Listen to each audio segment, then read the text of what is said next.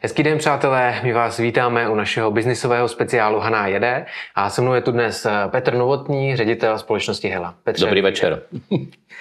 Tak eh, já se na zeptám, protože společnost Hela, my tady na Hané máme spojenou asi především s Mohelnicí, určitě hmm. spousta diváků i posluchačů registruje Helu. A přesto asi nikdo z nás není tím typickým zákazníkem, eh, nenavštěvuje ať už podnik nebo až tak možná nezná přesně ty výrobky, tak já vás možná v úvodu poprosím, jestli byste nám představil, co vlastně Hela v dnešní době vyrábí. Jo. Eh, to, že říkáte, že spousta lidí se s tím jako nesetkává v tom denodenním životě, tak to je určitě pravda, protože možná spousta prostě lidí, chlapů nebo i fanou, faninek automobilového průmyslu, tak mají možná helu spojenou s motorsportem, že v minulosti, když byly rally nebo něco, tak vždycky ty přední velký světla, které byly, tak když nejezdili ve tmě, tak byly vždycky zakrytý bílým logem nebo bílým krytkem s nápisem černým hela. Takže to si myslím, že ta široká nebo širší veřejnost možná bude znát, zejména ty, řekněme, trošku starší ročníky, protože ty světla se mění. Ale co se týče té tý naší činnosti, ehm, tak náš výrobní program vlastně je výroba, tady konkrétně v Mohelnici, teda výroba předních světlometů, kdy eh, se jedná o, eh, řekněme, relativně dneska vyspělý produkt. V tom světlometě je dneska až 320 komponentů. Eh, dřív to byly žárovky, dneska je tam moduly, takže je to dost bych řekl technicky komplikovaný produkt kdy my ho nejenom teda vyrábíme, ale my ho i vyvíjíme a vyvíjíme nejenom ten výrobek jako takový, ale vyvíjíme i procesy, to znamená, jakým způsobem a na jakých zařízeních se ty světla vlastně vyrábějí. No a pak to dodáváme eh, přímo automobilkám, to jsou vlastně naši koncoví zákazníci. A plus samozřejmě je tam ještě nějaký prvek, který vyplývá z toho, že eh, my jsme povinni dodávat po ukončení série ještě 15 let takzvaného aftermarketu nebo na náhradní díly. Takže to se potom dostává do těch prodejen, ať už oficiální síť automobilek nebo přes ty díleři, který se vlastně starají o ten aftermarket jako takový. Takže to je relativně široký spektrum aktivit. Zaměstnáváme asi 3300 lidí, což asi je relativně velký číslo, ale co je na tom asi zajímavější, je to spektrum těch činností. Jo, takže když se vezmeme jenom výrobu a ty přímý servisy, které jsou navážené pro to zajištění výroby. Tam pracuje kolem 2000 lidí a potom ten vývoj produktu, procesu a ty další věci, které jsou na to napojeny, tak to víceméně ta tisícovka. Takže já strašně nerad vždycky, když slyším někde, že jo, automobilový průmysl, to jsou montovny a tak dále, tak eh, s tím prostě nemůžeme souhlasit a ta realita je úplně jiná. No, je pravdou, že o České republice se často mluví právě jako hmm. o montovně různých velkých společností a firm. Hmm. A přesto si troufám tvrdit, že Hela je takovou výjimkou, protože opravdu u vás ten vývoj je právě tady v České republice hmm. a spousta těch věcí vzniká tady u nás, takže klidně se pochlupte vlastně, co vše jste dokázali vytvořit v českých podmínkách.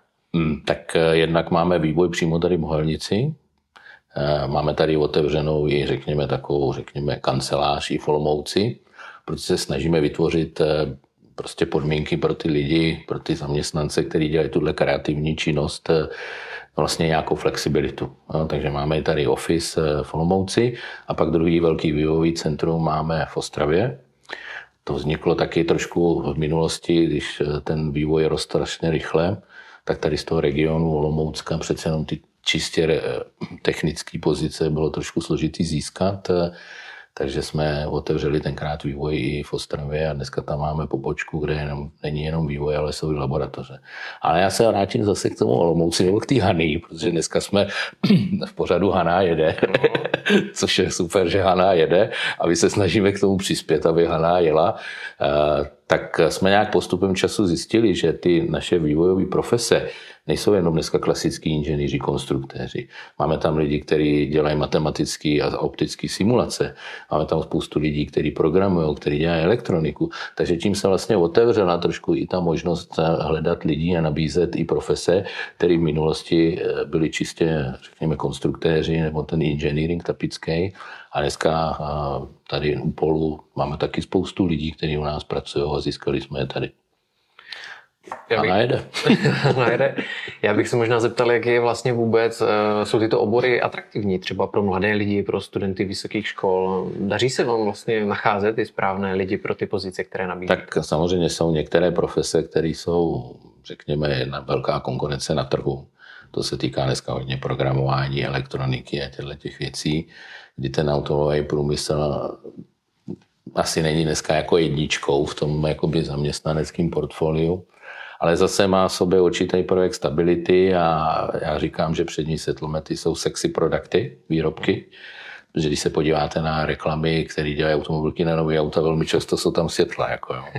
A jako já jsem dělal ve své kariéře různý, bych řekl, jako výrobky, a je prima, když můžete někomu ukázat, že tohle je ten výrobek, na který jsem dělal, nebo na který jsem se spolu podílel.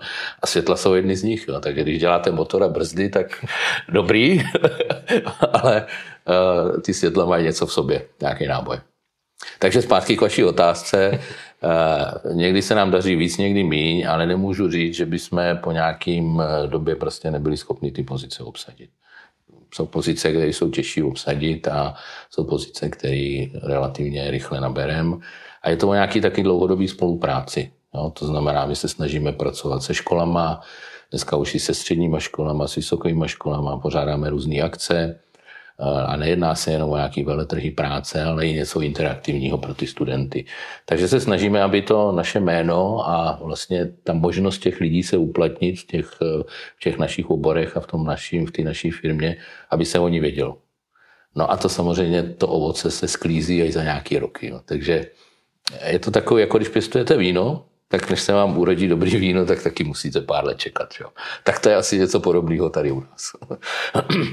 No, jednou z takových akcí, eh, které jste vlastně ve spolupráci s univerzitou eh, dělali také, hmm. tak byl Helaton a hmm. byl bych rád, pokud byste nám řekl také pár slov o tomto vašem projektu. No tak my jsme se, eh, nechci, že jsme ukradli, ale trošku jsme se inspirovali.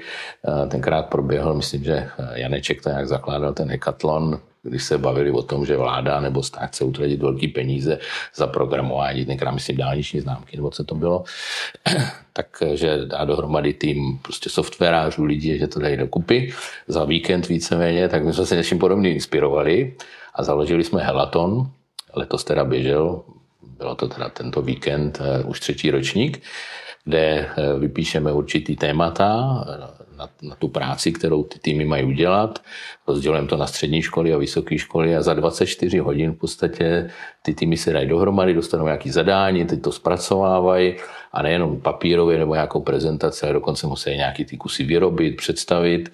No a máme tam tým lidí, kteří vlastně jsou za každý daný téma, řekněme, na půl poradci, na půl hodnotitelé mhm. a vždycky vybíráme ten nejlepší tým. A za mě jako ohromný bych řekl já nechci říct překvapení, ale spíš poklona a obdiv těm lidem, kteří se do toho jednak přihlásili, protože 24 hodin jedete. První věc a druhá věc dokážou fakt fantastické věci. Takže já myslím, že v naší společnosti, v naší republice je spousta šikovných lidí. Je akorát potřeba je najít a dát jim příležitost. A že se to nevždycky povede, to je pravda. Ale když se pro to něco dělá, tak ta šance je, že se najdou. No, vítězové tohoto helatonu určitě oslavovali a nejsou jediní, protože hmm. oslavovala také Hela právě v letošním hmm. roce a to konkrétně své 30. narozeniny. Tak eh, prozraďte, pokud byste mohl se ohlédnout dozadu a vlastně hmm. zhodnotit, tak eh, co Hela za těch 30 let eh, vůbec dokázala od samotného vzniku. Hmm. Tak u toho vzniku já jsem teda nebyl osobně, ale samozřejmě tu historii trošku znám. Hela byla založena v roce 92 na papíře a už v roce 93 byly první nějaké aktivity. Původně to vzniklo, protože Hela je firma, která byla vlastněna vlastně rodinou, rodinou Hick z Německa.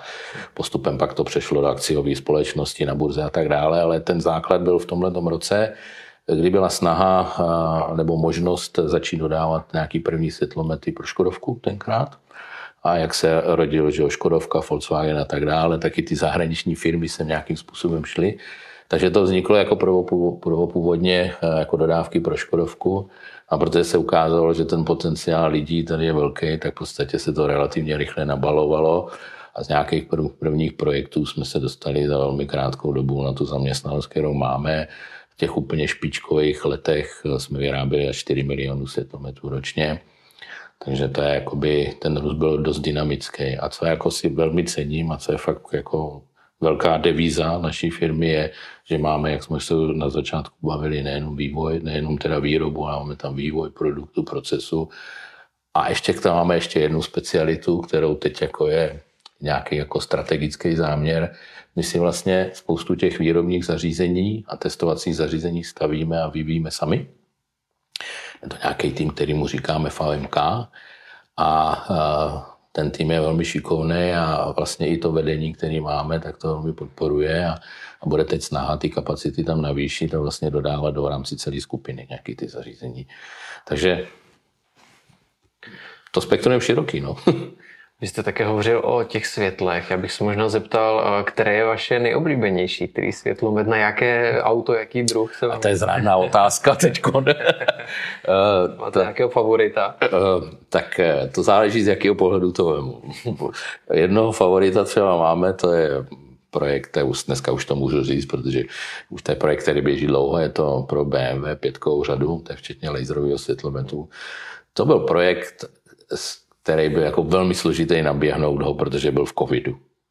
Jo, takže v průběhu v covidu náběh nového výrobku, zavřené hranice, lidi nemohli, Jo, I ty týmy, který s náma spolupracovali zahraničí na tom vývoji, tak běžně, když se to dává dohromady, tak ty lidi si jdou do jedného lokace a jdou spolupracovat. Tak všechno bylo teď na dálku. Tak to je takový ten projekt, na který asi nezapomenu, protože byl fakt hodně složitý.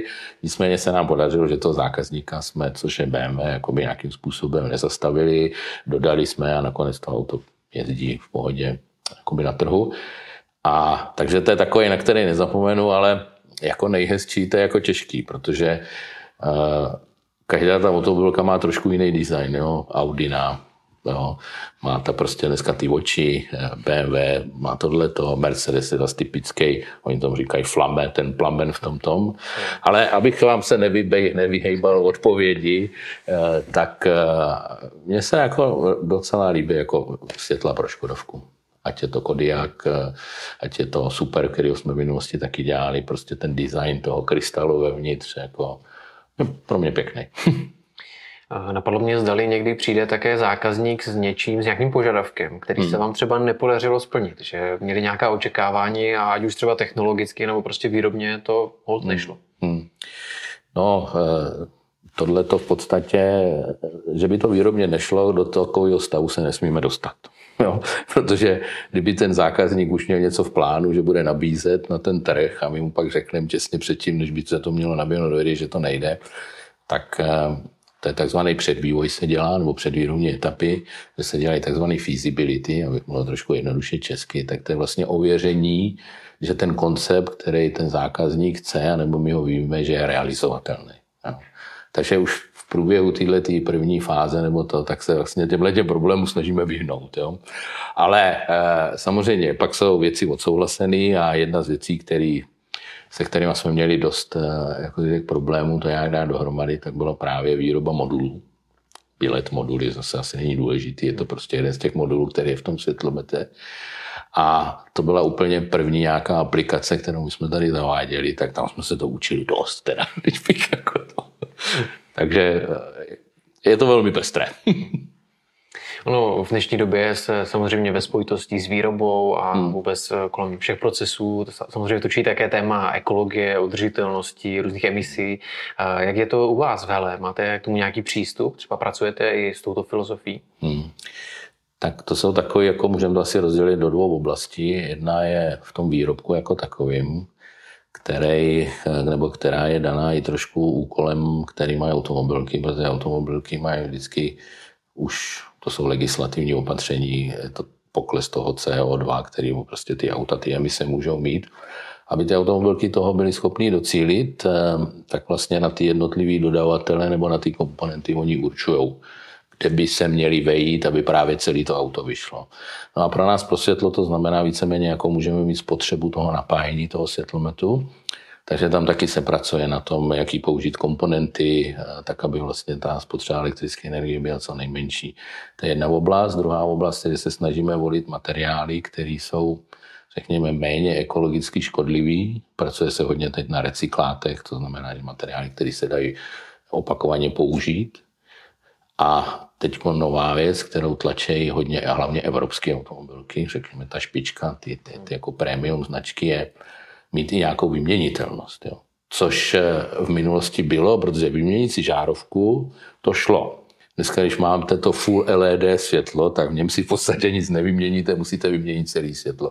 Takže se začíná přemýšlet o tom, jaký ty prvky v tom světlometě by se daly vyměnit, zase zpátky, podobně jako se vyměnila žárovka. A nebo dokonce je teď jeden takový advanced projekt, který je úplně v začátkách, že by se prostě ten světlomet z toho starého auta, nebo aspoň nějaký prvky, mohli použít i do nové nějaký generace.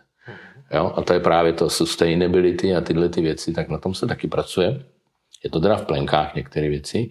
A co se týče toho denního chodu, tak tam samozřejmě úspora energie, instalace nějakých solárních panelů, instalace zařízení, které mají menší energetickou spotřebu, kde se nám použije tak nějaký recyklace. Takže já bych řekl, že kolem toho my neděláme moc slávy, ale v podstatě na tom nějak systematicky pracujeme. No, my jsme se tady dotkli hely české, mohelnické, dnes natáčíme v Olomouci, což není žádným tajemstvím a, a tajemstvím není také to, že vy jste se rozhodli trošku rozšířit a právě konkrétně jsem do Olomouce, konkrétně do městské části Slavoním. Tak prozraďte divákům, posluchačům, co nás čeká, co Hela vymyslela. On je to Slavotín, nebo Slavonín, no. Něvotín, je to tam, co je ten nový areál VGP jak tam postavil tam logistický centrum. A my jsme si tam pronajali jednu velkou halu, kterou jsme teda museli uspůsobit eh, ve spolupráci s tím pronajímatelem na výrobní prostory. A to je, jak jsem se na začátku zmínil, že po ukončení sériové výroby my jsme povinni ještě 15 let eh, dodávat jako do sítě náhradní díly. A padlo nějaké rozhodnutí eh, v rámci celé skupiny Heli, že vlastně přední světlomety, po ukončení těch sériových dodávek by se měly vyrábět a dodávat tady od nás. Jakoby. No a protože jsme neměli dostatečný prostory, tak jsme prostě honem rychle hledali a našli jsme ten prostor ve Hněvočině. První stěhování jsme tam měli na Vánoce 2022 a tenhle ten rok zhruba nějakých 64 různých projektů, což jsou ohromné množství komponentů a dílů jsme tam jako realokovali a teď se snažíme to tam nějak prostě rád dohromady, aby to dobře fungovalo, takže to je taky nějaká naše výzva. To tam budujeme teď. Mimochodem, Hela má německé majitele, vy jste o tom mám trošku mluvil už v úvodu. Mm. Mě by zajímalo, jestli eh, občas tam je třeba nějaký, nechci říct rozkol, ale něco, kde se ta národnost německá, česká hmm. třeba v něčem nezhodne, nebo je hmm. tam zkrátka takový nějaký ten rozdíl právě těch dvou států. Ono já vás musím trošku opravit, protože ten vývoj je jako strašně dynamický. Hela byla německou firmou, nebo ten background je německý a právě v minulém roce se spojila s firmou Fabricie a vznikla skupina Forvia, což taky není ještě moc známý, protože se to teprve jaksi dostává nějak jako do povědomí, protože ta rodina vlastně ten podíl, který měla, jako majoritní podíl, který měla, tak vlastně prodala právě a prodala o té firmě Favoricie a vznikla ta Forvia. Jo. Takže pro nás eh, je to takový, eh, když jste se ptal vlastně, jak jsou ty kulturní rozdíly, nebo, eh, tak já si myslím, že máme asi trošku blíž a teď doufám, že mi šéfové to neslyšejí a že si z toho nevemu nějaký negativní ten. My máme asi blíž k té německé kultuře, než k té francouzské. A samozřejmě občas nějaké rozpory jsou, nebo, nebo rozdílné pohledy na věc. Jako. A s tím se prostě člověk nějak musí naučit pracovat. Jako. A musí se s tím naučit pracovat obě strany. Samozřejmě, když jsou to majitelé a šéfové, tak asi víc se musíme mi přizpůsobit, ale já si myslím, že to jde, že to není nic nepřekonatelného. Jako. Když jste se dotkl eh, té české mentality nebo hmm. nátury, hmm. tak eh, jak vůbec hodnotíte z vaší zkušenosti, z vaší praxe právě třeba ve společnosti a to, jak jsou čeští lidé jako zaměstnanci, jako ti vývojáři, hodně často se říká, že Češi mají zlaté ručičky, tak eh, hmm. platí to pořád? Jsme, jsme nadaným národem, šikovným, kteří dokážeme vymyslet to řešení? Já si, já si myslím, nebo i ta moje zkušenost z té praxe, myslím, že to stále platí. Jo, krásný teď příklad je, když jsme měli ten helaton, o kterým jsme se tady bavili, eh, tak ty studenti, co tam za těch 24 hodin dali dohromady, protože to nebylo jenom, že něco na programu, ale my to museli spájet, postavit, udělat, skonstruovat, tak to sobě máme. Já myslím, že to je u nás, akorát je to potřeba se toho nebát. Tak já bych se ještě rád také zeptal na nová auta, nové automobily. Hmm. Když se o nich říká v dnešní době, že jsou až příliš drahé, tak uh, jestli dokážete odpovědět na otázku, proč tomu tak je? Tak já samozřejmě nemůžu mluvit za automobilky, nebo vlastně můžu vám odpovědět, že vám neodpovím. A jak to teď myslím? Jako jo. My jsme měli nedávno takové, řekněme, nějaké management setkání v rámci celé naší skupiny, bylo to v Německu.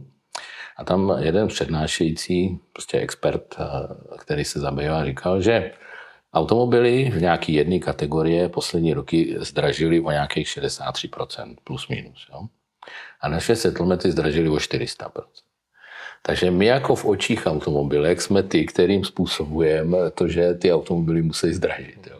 A teď my těm automobilkám říkáme, že potřebujeme upravit ceny, protože drahé energie, protože nárůst cen vůbec těch materiálů, které tam jsou, elektronika nedostatková. Jo, takže to je nějaký jeden prvek. A druhý ten prvek, když si porovnáme před pár lety ten settlement, tak to opravdu, když to jako fakt zbagatelizu, zjednoduším, byl nějaký hrnec, který tvořil reflektor, k tomu já pár žárovek, nějaký šroubky a nějaký drát, který to spojil. Dneska to je plný elektroniky. Takže ono zase porovnávat 63% zdražení versus 400 je asi neporovnatelný. Ale uh, já myslím, že, nebo co jako ty čísla nám ukazují, uh, ty auta ano, jsou dneska dražší, zejména ty elektromobily. A to si myslím, že je problém jako celé Evropy, nebo problém, který máme před sebou že automobilový průmysl až na pár výjimek, eh, Ferrari, Lamborghini a já nevím co všechno, tak je založený na tom na nějaký relativně stabilní velkosériový výrobě. To znamená, že si to lidi musí nějakým způsobem kupovat. A v momentě, kdy ty, ta cena těch automobilů bude pro lidi nedostažitelná nebo nedosažitelná, tak je to samozřejmě problém. A k tomu ještě přichází elektromobilita, která je ražená a hlavně tlačená hodně v Evropě, což je nějaký trend principiálně správný, otazník je, jestli tak rychle má být nebo ne. Ale ty automobilky dneska neumějí vyrobit eh, elektroautomobil dodat, který by měl řádově cenu na trhu 400-500 tisíc korun, což je asi nějaká hranice, kterou se dá možná nějakým způsobem zafinancovat v široké veřejnosti. Jo. Takže to je nějaká teď situace, která je na trhu a která je teď velkým tématem u všech automobilek a, a samozřejmě na nás se taky nějakým způsobem to téma dostává, protože je potom tlak, co můžete zjednodušit, co můžete na tom světlometu zlevnit, ale při tom dodržení toho vysokého standardu a těch milionů funkcí. Já myslím, že máme všichni teď v automobilovém průmyslu před sebou velkou výzvu. Jak se s tímhle poprat, aby jsme dokázali dodat na trh eh, auta nebo komponenty pro auta, který ty lidi si budou moct dovolit koupit. Já na to nemám dneska odpověď. Těch výzev samozřejmě máte spoustu, nejenom v rámci roku, ale také v rámci měsíců a dnů a mě by ještě na závěr zajímalo, jestli máte přehled o tom, kolik třeba e-mailů nebo nějakých telefonátů odbavíte, ať už za den nebo za týden, protože samozřejmě jako ředitel si myslím, že se toho na vás valí spousta a spousta a člověk by si možná myslel, že ležíte celý den jenom u notebooku a odpovídáte na e-mail. No, tak já, samozřejmě, že já neležím u notebooku, kluku, já chodím hrát golf a, a takový to, to si vždycky ráno děláme občas nějaký žertíky, tak jak včera bylo na golfu. E, ne, tak samozřejmě jako e-maily je na jednu stranu všechny tyhle ty dnešní moderní věci komunikační pomáhají, protože se všechno zrychluje. Na druhou stranu, ale to má tu nevýhodu, že některé věci se odosobňují. Nejenom, že nějaký vztah lidí, ale že prostě napsal jsem e-mail a tím je to vyřízený. Ale velmi často napsání e-mailu nic nevyřídíte přenesete jenom nějakou informaci nebo nějaký úkol. Takže eh, pořád tam je, bude a myslím si, že i do budoucna bude ta interaktivita týmu lidí, nemusí třeba sedět v jednom místnosti, ale aspoň na nějaký videokonferenci, zase dneska těch nástrojů je kvantum, aby se vlastně docházelo co jako nejefektivnější komunikaci navzájem. Takže i ten můj balans takhle tomuhle pracovní doby trošku odpovídá. Něco nějaký e-mail, něco je nějaký eh, telefonní konference a něco je prostě setkání s lidma. A počet e-mailů denně stovky. Stovky. Hmm. No. Tak to ho nezávidím. ale, ale některý, některý prostě jenom obsah vidím, nic tam není žádný průser. Necháme, něco je potřeba přečíst, něco je potřeba zorganizovat, ale blíží se to stovka víc. Jako, prostě, no. Říká Petr Novotný, ředitel společnosti Hela. Petře, děkuji za rozhovor. Já děkuji za pozvání.